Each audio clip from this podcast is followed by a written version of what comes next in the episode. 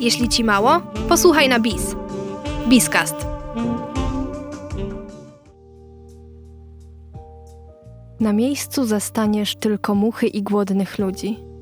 Oliwia Kopcik. Czyta Olga Krzyżyńska. Czterech nieustraszonych, którzy byli tam, gdzie nie chciał być nikt inny. Dwóch z nich dostało nagrodę Pulitzera. Dwóch zginęło próbując ją zdobyć. Ile potrzeba, by zrobić karierę i zniszczyć sobie życie? Ułamek sekundy. Jedna myśl. Jedno rozłożenie skrzydeł. Lata 90. XX wieku. RPA. Idea apartheidu upada. Z więzienia wychodzi aktywista Nelson Mandela.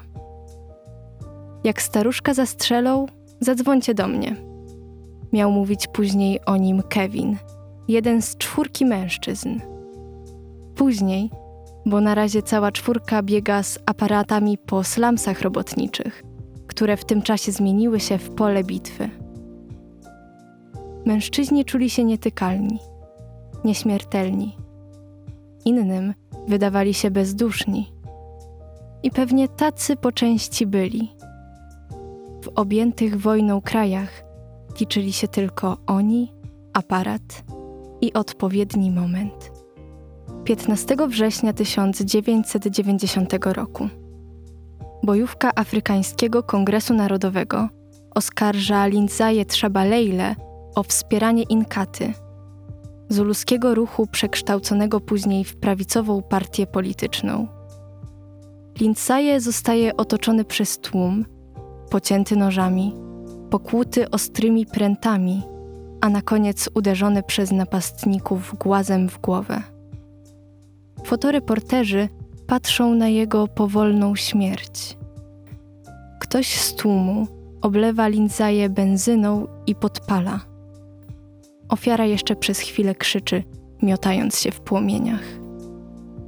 Wśród fotoreporterów jest Grek, który w pośpiechu szuka odpowiedniego miejsca, by ustawić się pod światło i zrobić idealne zdjęcie. Kiedy młody fotograf zmienia przesłonę w aparacie, do płonącego Lindsaye podbiega mężczyzna i uderza go maczetą w kark.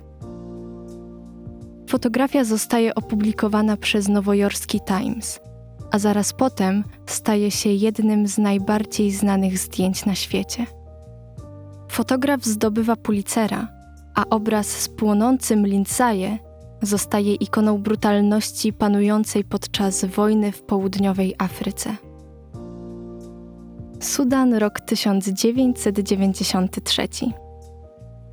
Kevin i Zhao, dwóch fotografów, wyrusza do Sudanu, by udokumentować panującą tam klęskę głodu. Kiedy drugi z nich zapytał, co mogą spotkać na miejscu, w odpowiedzi usłyszał muchy i głodnych ludzi. Trafiają do obozu pomocy humanitarnej. Nagle Kevin dostrzega leżącą na ziemi wychudzoną dziewczynkę.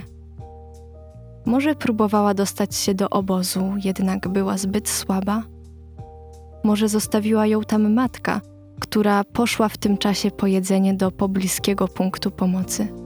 Gdy te myśli kłębiły się w głowie Kevina, za wątłym ciałem dziewczynki przysiadł sęp. Fotograf czeka ponad 20 minut, aż wielki ptak rozłoży skrzydła.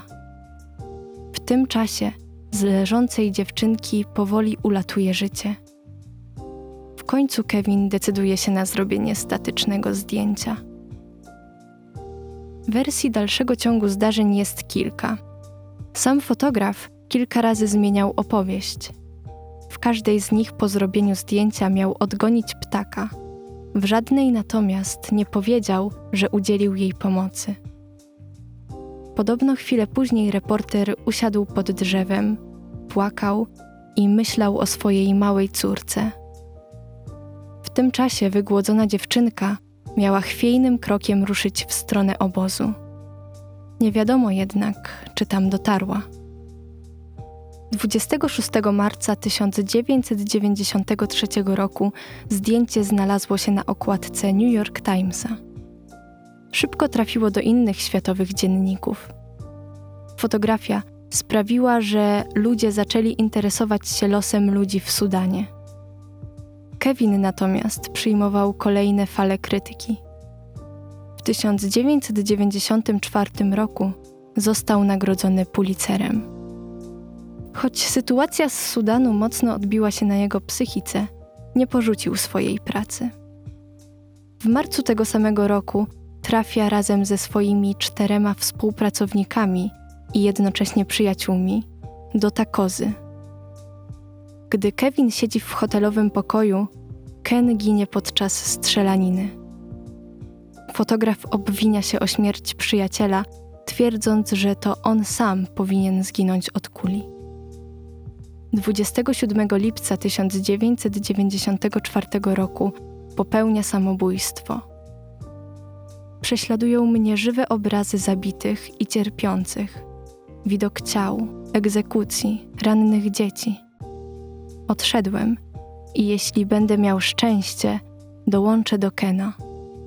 Pisze w pożegnalnym liście. 18 kwietnia 1994 roku.